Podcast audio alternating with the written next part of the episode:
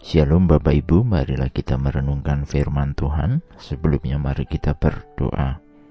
Firman-Mu adalah pelita bagi kaki kami dan terang bagi jalan kami. Engkau yang menuntun kami, peliharakan hidup kami senantiasa. Di dalam Tuhan Yesus yang menolong kami merenungkan firman-Mu saat ini. Amin. Bacaan saat ini diambil dari Yohanes 14 ayat 6 Yohanes 14 ayat 6 Yesus berkata kepadanya, Akulah jalan dan kebenaran dan kehidupan. Tidak ada seorang pun yang datang kepada Bapa kalau tidak melalui aku.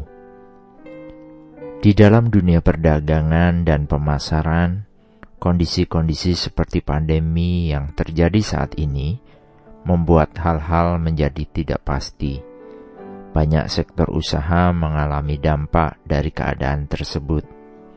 Tidak saja dampaknya, tetapi juga prediksi kapan kondisi ini berakhir belum memberikan kepastian.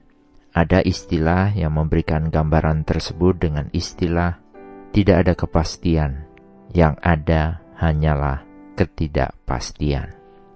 Apakah istilah ini berlaku untuk iman percaya kita kepada Kristus? Jawabannya adalah tidak.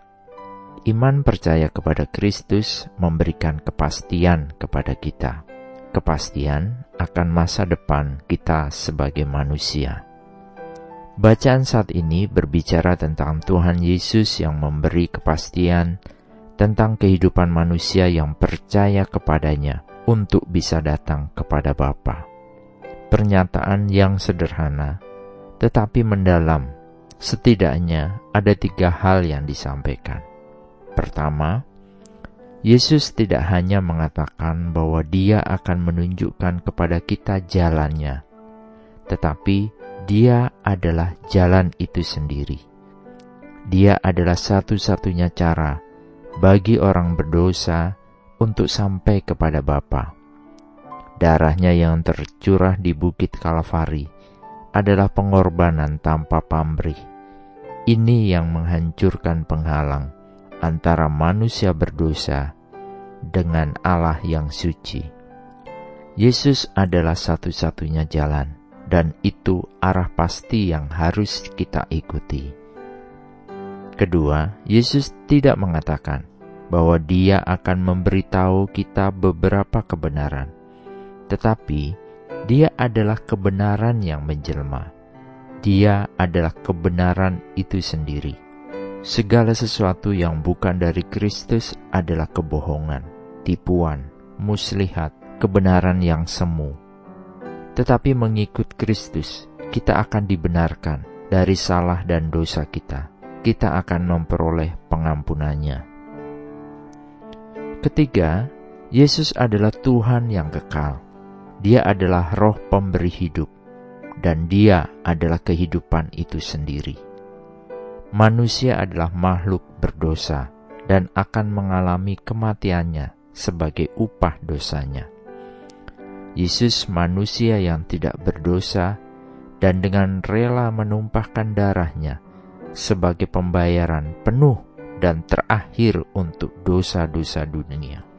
Melalui pendamaian ini, maka manusia diberi hidup dan tidak mengalami kematian kekal di dalam dosa. Jadi, tanpa Yesus, kita tidaklah memiliki kepastian.